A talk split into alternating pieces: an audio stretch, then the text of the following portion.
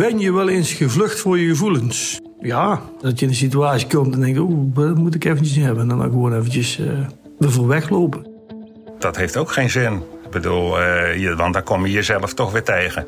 Toen dacht ik echt van, ik lig hier dus gewoon dood te gaan op bed. En ik zie het zelf niet. Toen vond ik het zo erg dat die vader van die vond er niet bij was. En mijn eigen moeder niet. Ja, dat was wel prettig, moet ik zeggen. Dat doet je nou nog steeds wat? Ja. Je wordt nou ook een beetje emotioneel, toch? Ja, klopt. Hoi, ik ben Evie Hendricks. En ik ben Eva de Schipper. Wij denken dat het helemaal niet zo makkelijk is om een man te zijn. Daarom banen wij ons in deze podcast een weg door het hoofd van de man. Dit is Op de Man af.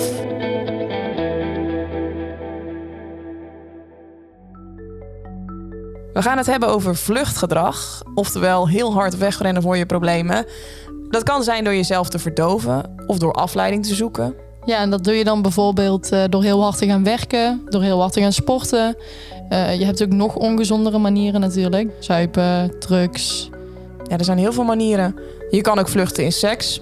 Zeker. En als dat vluchten, verdoven en afleiding zoeken extreme vormen aanneemt, kan het leiden tot een verslaving.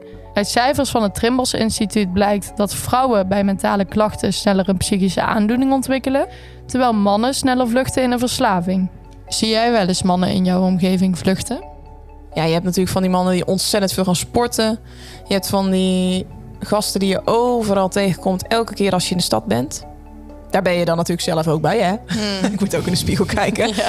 Ik zie ook heel veel jongens inderdaad echt iedere dag in de sportschool. Ze eten alleen maar uh, kiprijst en uh, broccoli. Ja. ja, en je hebt natuurlijk ook mensen die ontzettend veel gaan werken. Ik denk ook dat het maar net op moet vallen of je aan het vluchten bent. Ik bedoel, misschien vraag je je al sneller af als iemand uh, ja, inderdaad constant in de stad hangt. Of uh, waarom wil diegene niet thuis zijn? Of uh, ja, wat drinkt diegene veel? Ik denk dat het bij sporten niet zozeer opvalt. Dan denk nee. je vaak van, oh, diegene is goed bezig. Zo, diegene wil fit worden. Ik denk dat je heel vaak helemaal niet doorhebt dat je aan het vluchten bent. Nee, zelf ook niet. Nee. Op het moment zelf. Nee. Ik bedoel, ik heb zelf ook wel eens momenten gehad dat ik net wat meer ging feesten. Of misschien als ik dan uit was, dat ik inderdaad net wat meer dronk. Maar dat ging op dat moment niet bewust. Maar achteraf terugkijkend is het misschien wel een stukje afleiding geweest. Ja, en ik denk ook dat misschien vrouwen dan. Uh, ik weet niet hoe het bij mannen is, maar ik krijg dan wel eens een vraag van vriendinnen: hoe is het met je? Als je dan achteraf terugkijkt naar je gedrag, of als je dan op dat moment kijkt naar je gevoel, dan herken je dat vluchten misschien omdat iemand anders je een spiegel voorhoudt. Maar ja, gebeurt dat bij mannen wel?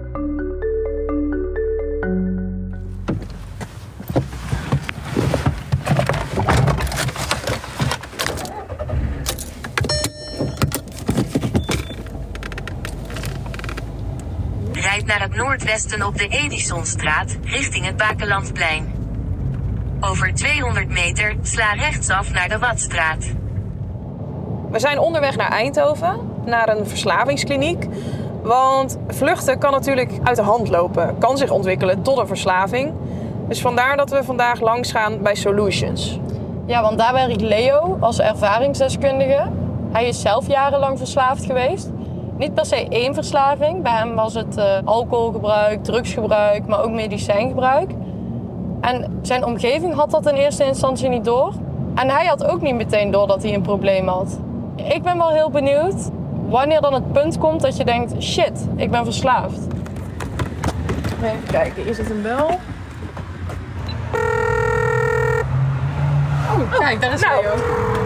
Hallo. Ik ben net een sigaretje gaan roken. Oh, kijk. Hi, ik ben Evie. Evie. We hebben elkaar gesproken. We hebben elkaar gesproken. Ja. Leo, jij werkt met mensen die verslaafd zijn. Mm -hmm. En dat doe je omdat je zelf ook 25 jaar hebt geworsteld met verslaving. Maar je wordt niet ineens verslaafd. Dus hoe begint zoiets? Dat begint heel onschuldig. Dat begint eigenlijk heel ongemerkt. Dat begint met eens een keer te veel drinken. Dat begint met een keertje denken van... nou, ik voel me nou niet zo lekker. Even een opkikkertje. En dat doet gewoon... Uh, nou, 9 van de 10 mensen doen dat wel eens. En 95% van de mensen kan er ook gewoon mee omgaan. Alleen, na verloop van tijd wordt dat steeds vervelender. Op een gegeven moment ga je ook thuis in je eentje gebruiken. tussen de middag om de dag door te komen. Of dat je ruzie hebt gehad met je vrouw. Of je hebt een vervelende situatie op je werk meegemaakt. En dan denk je gewoon dat het je helpt. En dat gaat dan ook nog best wel een tijdje goed. Op een gegeven moment ga je merken dat je eigenlijk niet meer kunt functioneren zonder je gebruik. Als je denkt dat je het nodig hebt, anders kan ik dat moeilijke gesprek niet aangaan. Dan durf ik dat vliegtuig niet in. Dus dan ben je eigenlijk al helemaal afhankelijk. En dan de laatste fase, onze laatste fase, eh, de allerlaatste fase is natuurlijk tussen zes plankjes, want eh, het is een terminale ziekte. Dat is dat je niet meer functioneert door je gebruik. Dat je inderdaad eh, je baan kwijt kunt raken, de relatie stuk gaat, gezondheidsproblemen kunt krijgen of ongelukken gaat veroorzaken. En toch zit er nog steeds in je hoofd, ik heb het nodig. Hm. Terugblikkend even op jouw verslavingen, mag ik wel zeggen, denk ik. Mhm. Naar welke middelen greep jij? In het begin was dat voornamelijk alcohol. Alcohol was uh, goed verkrijgbaar. Ik kom uit een, uh, uit een achtergrond waar de fles eigenlijk altijd op tafel stond. Uh, zelfs mijn schoonfamilies, daar heb ik dus ook weer uitgekozen natuurlijk in de tijd.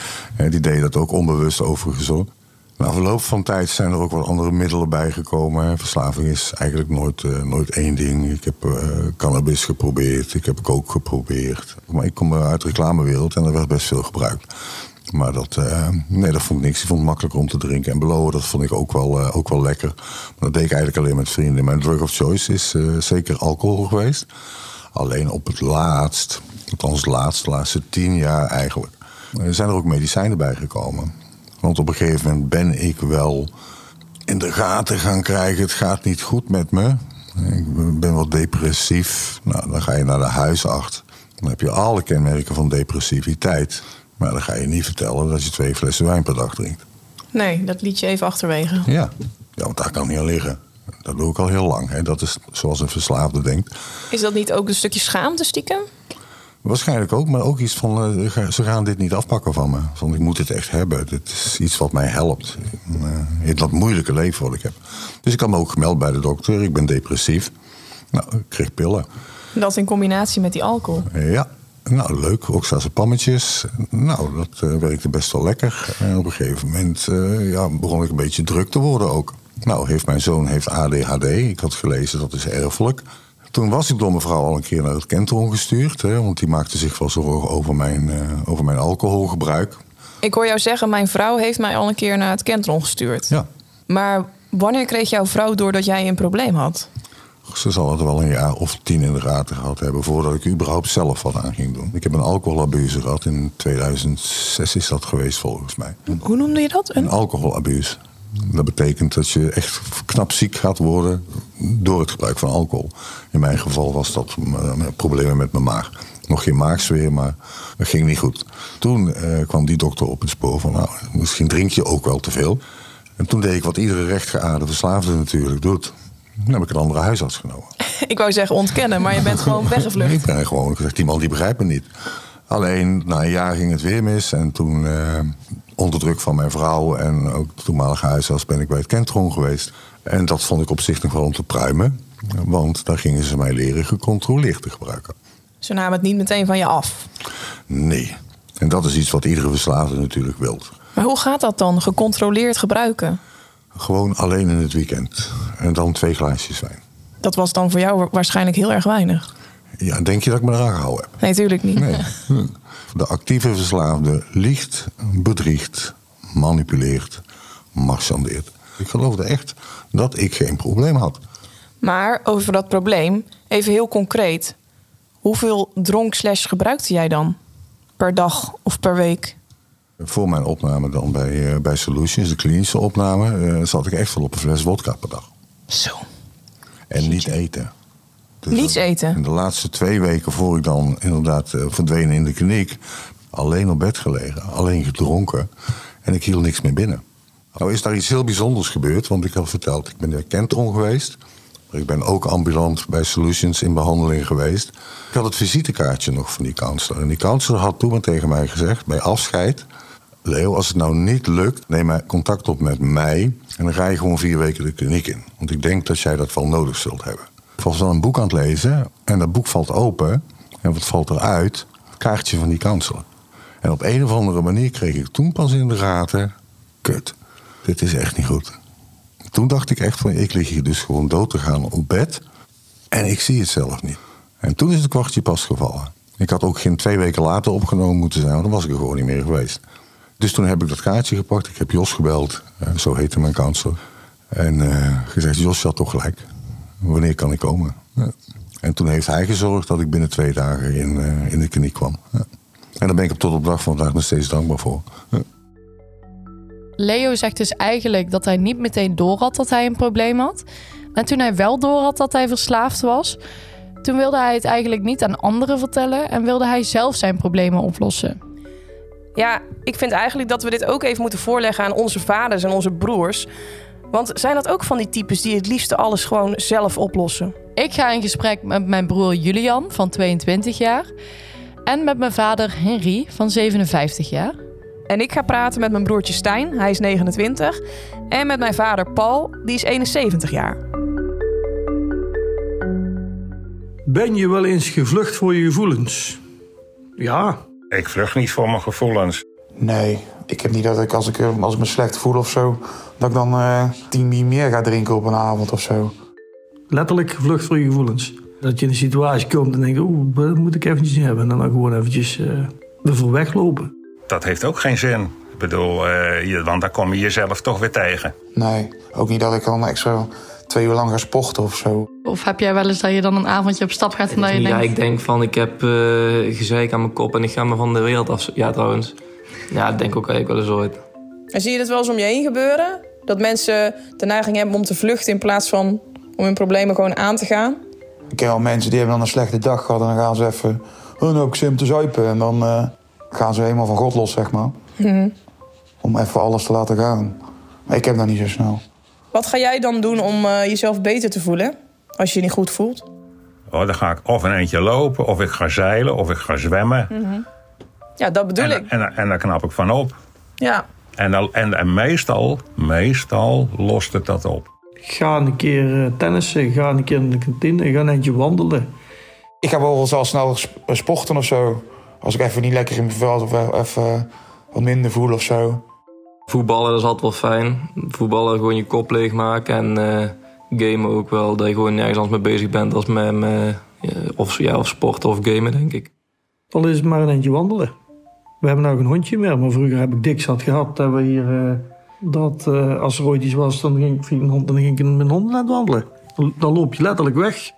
Nee, ik praat er ook niet heel snel over of zo. Ik zet me er gewoon overheen en ga gewoon andere... Ja, ik kan niet andere dingen doen, maar dat is ook weer afleiding zoeken dan. Maar ik heb niet specifiek een bezigheid, of hoe noem je dat? Activiteit of zo, dat ik dat ga doen als ik me niet goed voel. Of eh, niet lekker in mijn vel zit. Al is het maar een avondje met de buurmannen, dan bespreek je mannen dingen onder elkaar. Nou, die, al die mannen die hebben gewerkt en gedaan en die hadden zijn problemen op het werk en die gooien ze dan op tafel. Hij valt nogal mee met de problemen, diepgaande problemen, maar dan, dan de andere praat. Toen jij die middelen nodig had om te functioneren, ehm, dat klinkt in mijn ogen als, als vluchten. Is het ook. Hm. Waar vluchtte jij voor? Ja, dat is een interessante vraag. Dat weet je natuurlijk totaal niet als je begint met je herstel. Want dan wil je gewoon nuchter en clean blijven. Nou, in mijn geval, ik wilde gewoon niet dood. Daar kwam het eigenlijk op neer. Ik volg het 12-stappen-programma. En dat is een, eh, een uitvinding eigenlijk van de AA. En daar zit één bepaalde stap bij. Dat is stap 4. En daar ga je eigenlijk kijken, ja, waar kom ik nou eigenlijk vandaan? Eh, wie ben ik nou eigenlijk? Hoe was mijn jeugd? Hoe was ik als kind? Toen kwam ik erachter dat ik eigenlijk een heel rustig kind was vroeger. En dat vond ik best wel vreemd, want heel veel mensen die in stap 4 doen... die komen erachter dat ze vroeger al mateloos waren in van alles... en eh, uit bomen vielen, en dat had ik allemaal niet. Ik was gewoon een heel rustig jongetje. Ik zat altijd in een hoekje een boekje te lezen. En daar heb ik met mijn sponsor over gehad. En die zei, waarom deed je dat?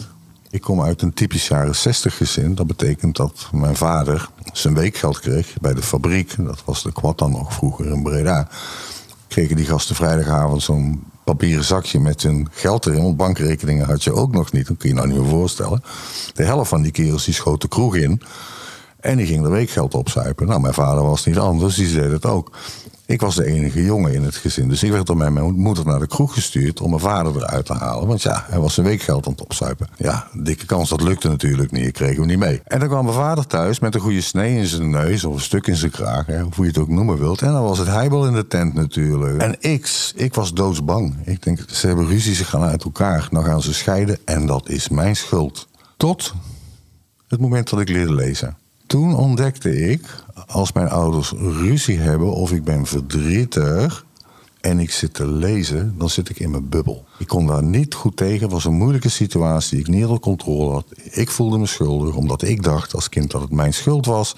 Dus ik vluchtte toen al in een boekje.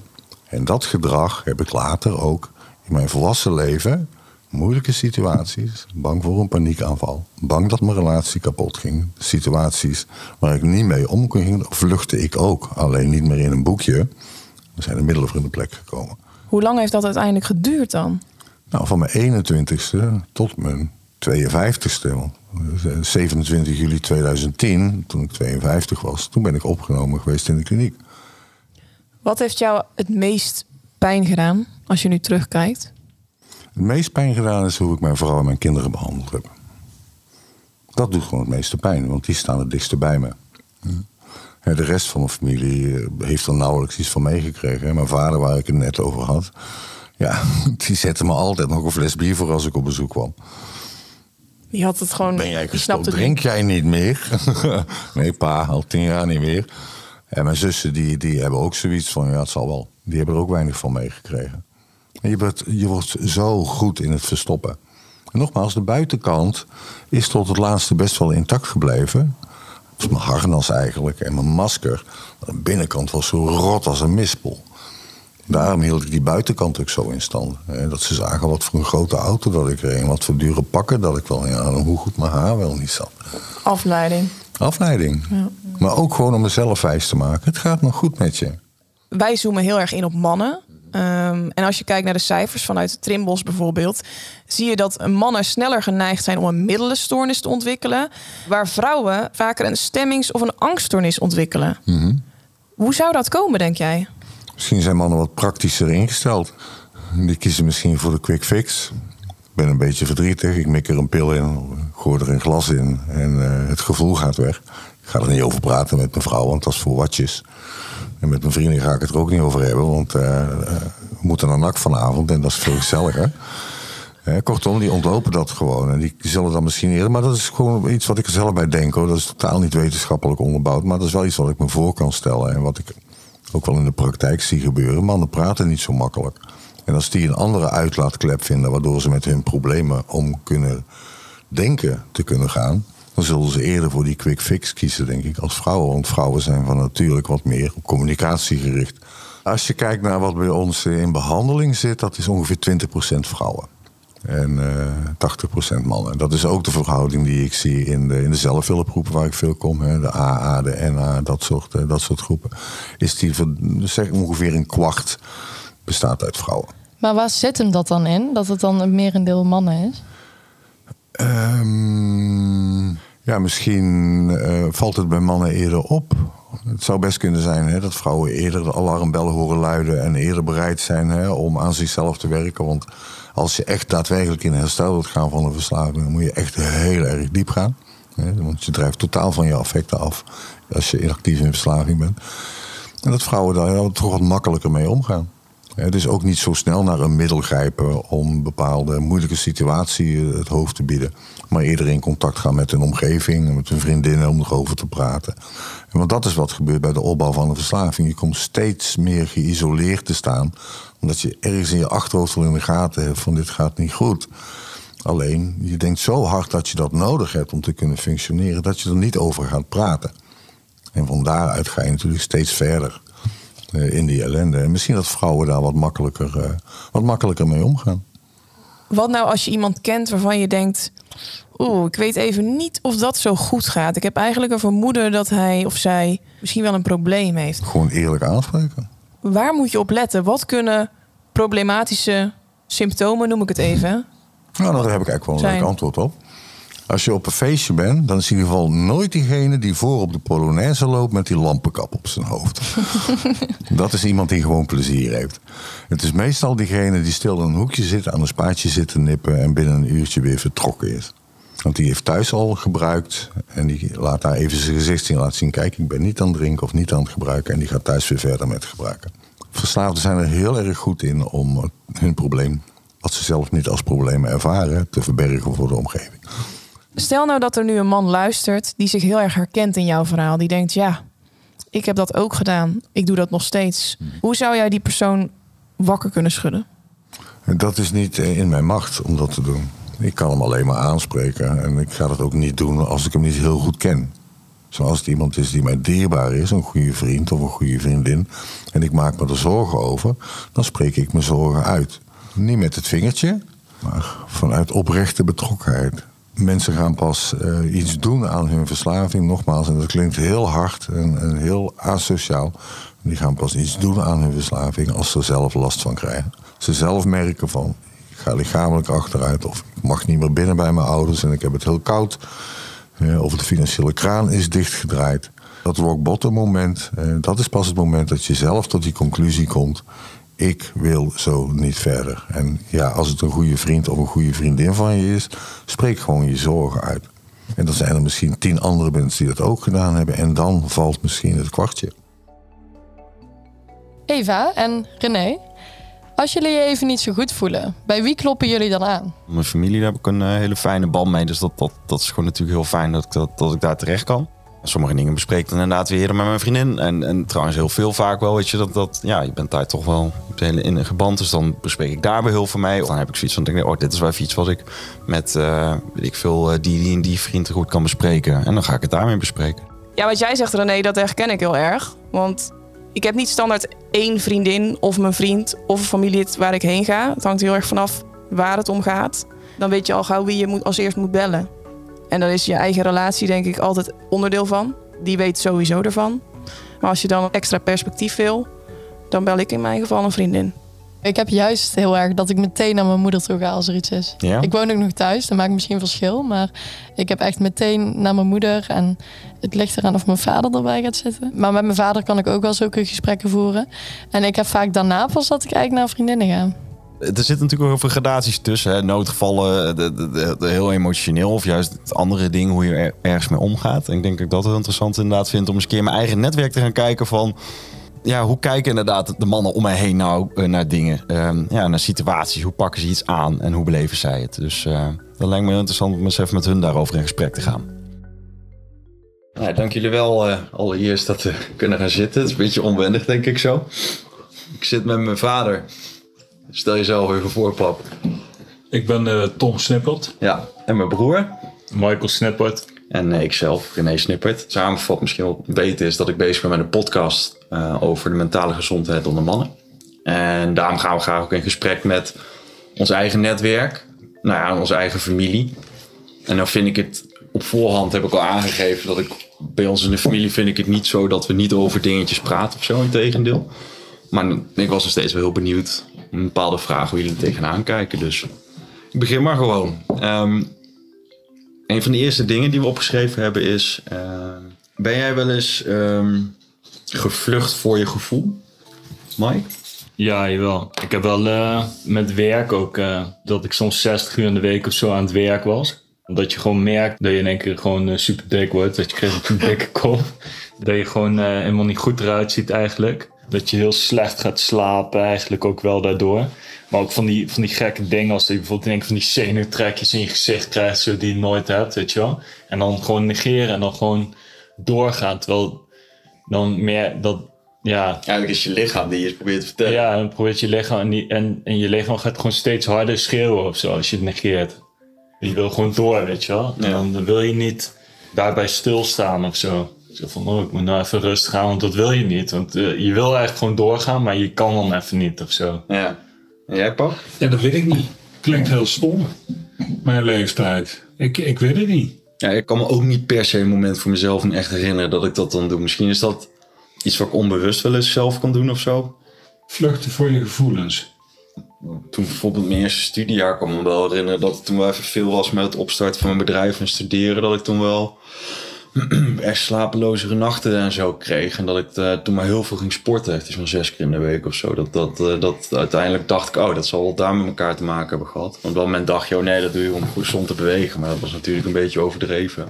Ja. Je noemt het vluchten, maar het kan, kan natuurlijk ook zo zijn dat het... eh, als jij, eh, ik noem maar iets, uh, daar gaat wandelen of whatever, om, om die, die kop weer helemaal klaar Maar dat is te meer krijgen. afleiding. Dat is denk ik meer afleiding. Ja, dat is oké. meer, dat, is meer Ja. dat het zeg maar helpt om af te bouwen. En dan doe je er juist wat aan. Ja, Ja. dat is net hoe je het bekijkt. afleiding zoeken vind ik wel wat anders dan bewust zeg maar iets negeren dat het er is. Stel, en dat is gewoon metaforisch. Maar stel je hebt, je hebt een rotzooi als huis. En je, je gaat gewoon net van huis af om maar niet thuis te hoeven zijn. Zodat je die rotzooi niet hoeft te zien bewijzen van. Maar je komt dan thuis en het is nog steeds rotzooi. Dat, dat is denk ik echt vluchtgedrag. En als jij afleiding zoekt, dan, dan is het wat meer... Ik ga eventjes golfen of eh, voetballen of weet ik het wat. Schakel ik over naar, eh, naar een wat ander onderwerp namelijk. Over eh, emoties. Wat vind jij bijvoorbeeld van mannen die huilen?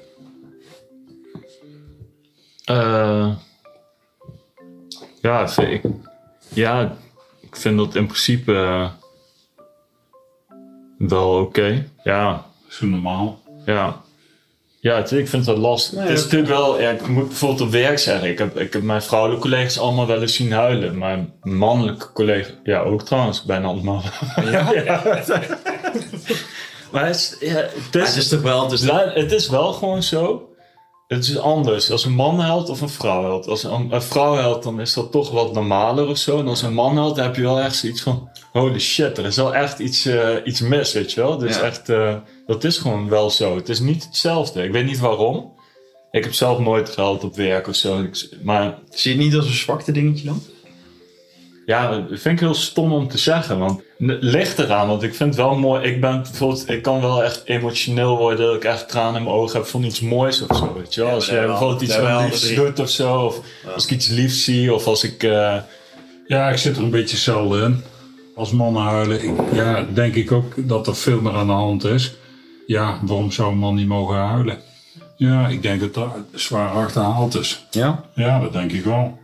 En uit emotie, ja, ik ben onlangs vader geworden. Toen hadden we allemaal tranen in onze ogen. Oh.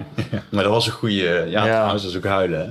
Toen Michael is geboren, eh, dezelfde dag, werd oma Snippert werd begraven. Toen zijn ze met de... Ze, ze wisten dat eh Yvonne aan het bevallen was.